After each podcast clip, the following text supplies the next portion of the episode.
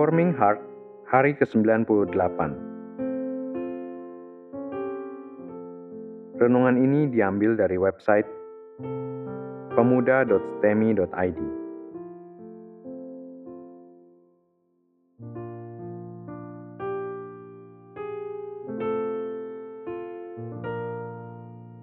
Tema renungan hari ini adalah Kehidupan Yerobeam. Mari kita membaca Alkitab dari kitab 1 Raja-Raja pasal 14 ayat 1 sampai dengan 20.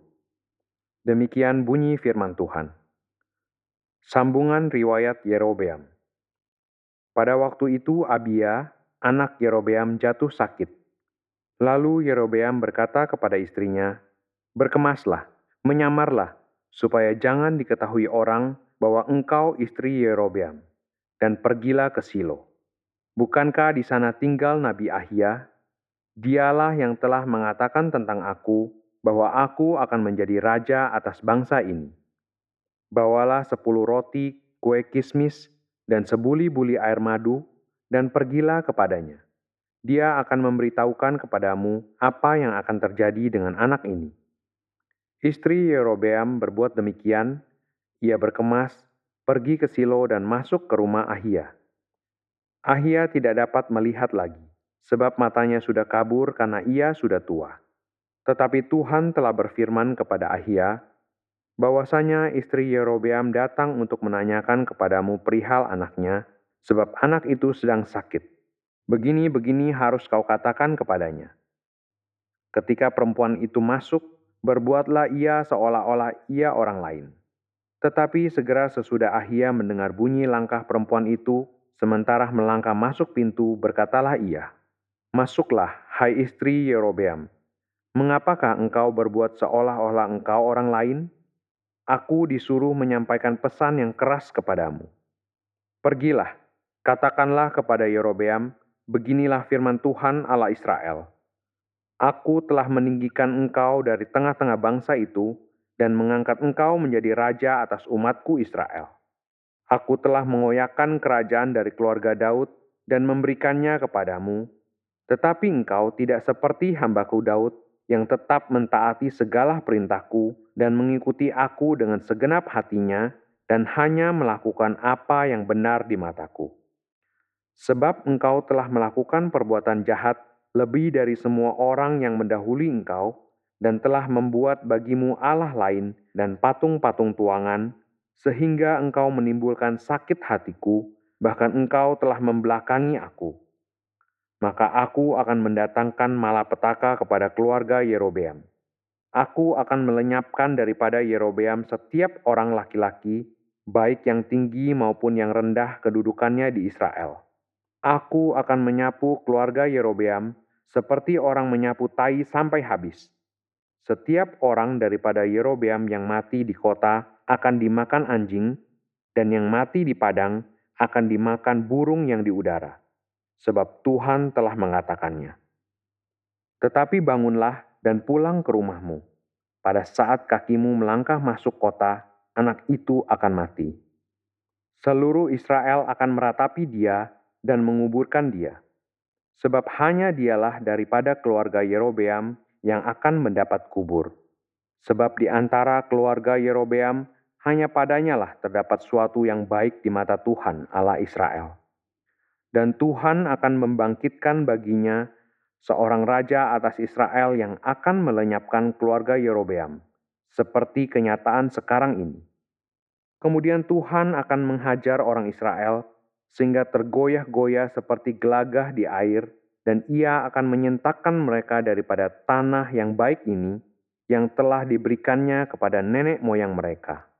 Ia akan menyerahkan mereka ke seberang sungai Efrat sana, oleh karena mereka telah membuat tiang-tiang berhala mereka dan dengan demikian menyakiti hati Tuhan.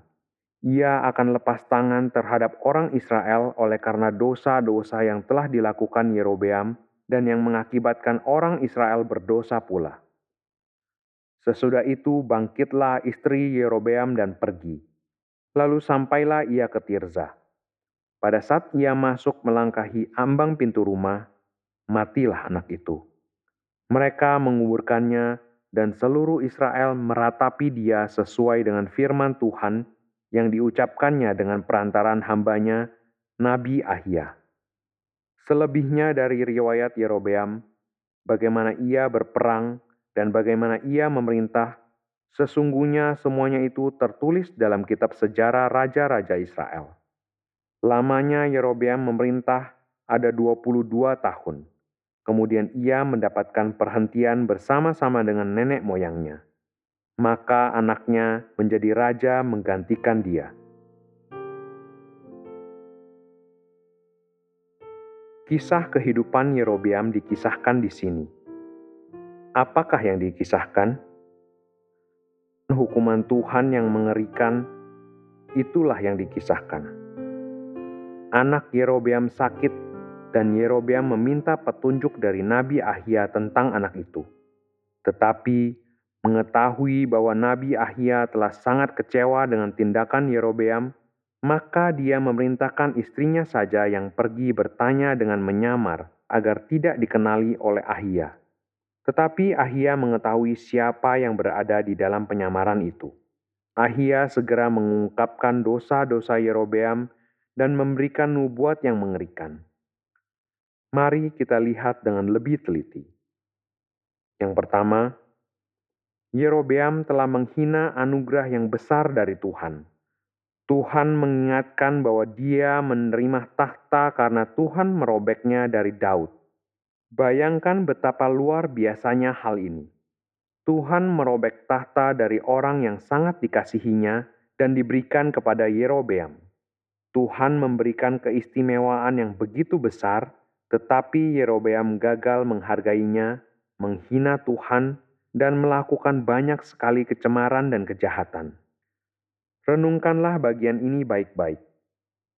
Siapa di antara kita yang diberkati dengan limpah oleh Tuhan, betapa sakit hati Tuhan jika di tengah hal-hal yang Tuhan percayakan dengan limpah, ternyata kita berdosa kepada Dia.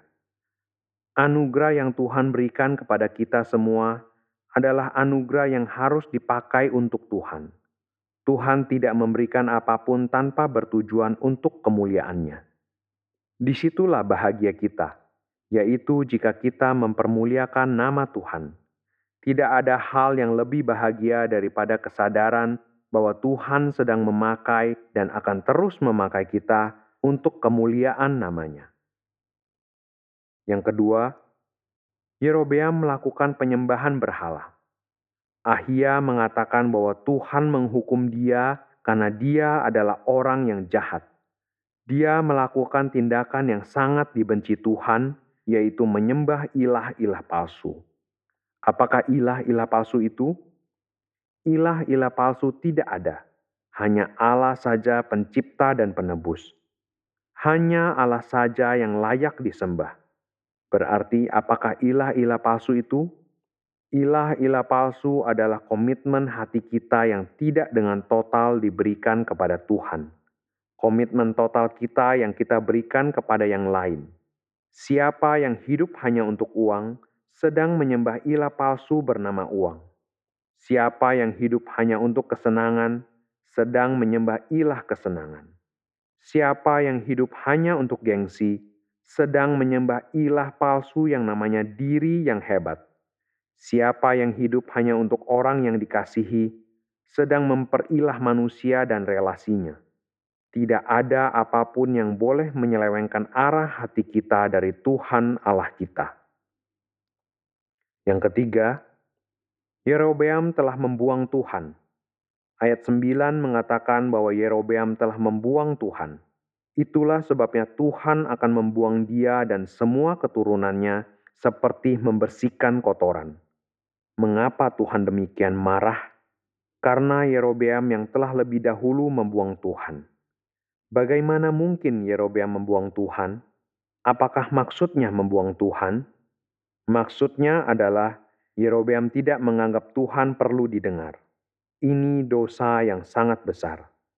Apakah kita boleh beriman dengan mengatakan bahwa kita percaya Allah ada, tetapi kita tidak berniat untuk taat kepada Dia ataupun mempunyai hati yang takut kepada Dia, Tentu saja tidak boleh. Kita tidak boleh menyembah konsep tentang Tuhan. Kita sedang menyembah Tuhan. Konsep tentang Tuhan bisa didiskusikan, diajarkan, diperdebatkan, tetapi tidak untuk ditaati atau disembah. Mengapa? Karena itu hanyalah konsep, ide, atau pikiran tentang Allah. Tetapi Allah bukanlah konsep yang kosong. Dia adalah Sang Penguasa semesta alam. Dialah Sang Pencipta segala sesuatu. Oleh sebab itu, tindakan Yerobeam yang mendirikan anak lembu dan mengatakan bahwa inilah Tuhan adalah penghinaan bagi Tuhan. Dia membuang Tuhan dengan mengaitkan nama Tuhan, tetapi menolak untuk mendengarkan Dia dan mentaatinya. Karena dosa-dosa tadi, maka Tuhan akan membuang Yerobeam. Dia akan membiarkan Yerobeam mati di dalam keadaan sebagai raja, bahkan anaknya akan menggantikan dia tetapi pada saatnya nanti, Tuhan akan menghapuskan keluarga Yerobeam dan membersihkan Israel dari keturunannya. Tuhan tidak menghargai orang yang tidak menghargai Dia. Tuhan membuang orang yang telah lebih dulu membuang Tuhan dari kehidupannya. Tuhan juga akan menghukum Yerobeam dengan mengambil anaknya yang sedang sakit. Inilah kisah mengenai raja pertama yang Tuhan bangkitkan bagi Israel setelah mereka dipecahkan dari tahta Daud dan keturunannya. Tuhan memberikannya kepada orang yang tidak layak dan yang terus menunjukkan ketidaklayakannya dengan terus-menerus melawan Tuhan. Dari Saul ke Daud, dari Daud ke Salomo, dari Salomo Tuhan memecahkan Israel dan mempercayakannya kepada Yerobeam. Apakah yang Tuhan harapkan dari Yerobeam? Akankah keturunan Yerobeam menjadi dinasti bagi Sang Mesias? Tidak. Keturunan Yerobeam tidak akan menjadi dinasti Mesias karena Tuhan sudah memberikannya kepada Daud dan dia tidak akan ingkar. Kalau begitu, mengapa Tuhan mengizinkan seorang bernama Yerobeam boleh naik tahta? Tuhan mengizinkan dia naik tahta sama seperti alasan Tuhan mengizinkan raja-raja lain naik tahta yaitu Tuhan mengharapkan mereka tunduk kepada Tuhan, menyembah Dia, menghakimi dengan adil, dan membela perkara orang miskin yang dilanggar. Kitab Mazmur pasal 82 Setelah Yerobeam mati, sejarah Israel akan terus menjadi sejarah dua kerajaan ini, yaitu Israel Utara dan Yehuda di selatan. Kisah sejarah yang dipenuhi dengan pelanggaran-pelanggaran dan bangkitnya nabi-nabi yang memperingati mereka. Inilah keunikan panggilan seorang nabi. Nabi dipanggil untuk menegur bangsa yang telah sesat. Nabi dipanggil untuk menegur raja, menegur orang-orang penting, dan menegur seluruh bangsa yang telah serong. Tuhan masih mengasihi Israel Utara, meskipun bukan keturunan Daud yang memerintah di sana. Tuhan tetap berjanji akan memulihkan keadaan kedua kerajaan ini. Mari kita melihat kitab Yeremia pasal 30 ayat 3 yang berbunyi demikian. Sebab sesungguhnya waktunya akan datang, demikianlah firman Tuhan, bahwa aku akan memulihkan keadaan umatku Israel dan Yehuda. Firman Tuhan. Dan aku akan mengembalikan mereka ke negeri yang telah kuberikan kepada nenek moyang mereka, dan mereka akan memilikinya Mari kita melihat kitab Yeremia pasal 31 ayat 31 yang berbunyi demikian. Sesungguhnya akan datang waktunya, demikianlah firman Tuhan, aku akan mengadakan perjanjian baru dengan kaum Israel dan kaum Yehuda. Jadi, Israel Utara adalah umat Tuhan, dan raja-raja yang memerintah adalah raja atas umat Tuhan tetapi mereka tidak akan menjadi generasi yang nantinya menurunkan Sang Mesias sebagai manusia. Namun janji Tuhan kepada raja-raja itu tetap sama, yaitu kalau mereka setia, maka Tuhan akan mengokohkan tahta mereka sampai selama-lamanya. Tetapi jika tidak, maka Tuhan akan menggantikan dinasti kerajaan yang tidak setia itu dengan orang lain yang akan menjadi kepala dari dinasti raja yang baru. Ini tidak terjadi di Yehuda. Di kerajaan Yehuda, Tuhan tetap mendudukan Daud dan keturunannya untuk menjadi raja. Bagaimana bila mereka tidak setia? Salomo tidak setia dan Tuhan merobek kerajaannya. Jika ketidaksetiaan semakin banyak dilakukan, Tuhan akan membuang. Pembuangan adalah ancaman final bagi Israel dan Yehuda. Begitu besarnya kasih Allah kepada Israel, sehingga Dia tetap mengirimkan nabi-nabi untuk memperingatkan raja-raja dan segenap penduduk Israel jika mereka sedang memalingkan wajah mereka dari Allah. Tuhan memberikan anugerah besar di dalam peringatan-peringatan itu. Kita akan melihat nabi-nabi besar akan Tuhan bangkitkan untuk Israel Utara. Elia dan Elisa adalah dua yang terbesar. Dua orang yang mengerjakan mukjizat sangat banyak dan dengan berani mengkhotbahkan firman tanpa kompromi. Kisah tentang nabi inilah yang sebenarnya menjadi tema penting di dalam kitab ini para nabi yang menunjukkan murka, penghukuman, tetapi juga kesabaran, keadilan, dan kasih setia Tuhan bagi umatnya.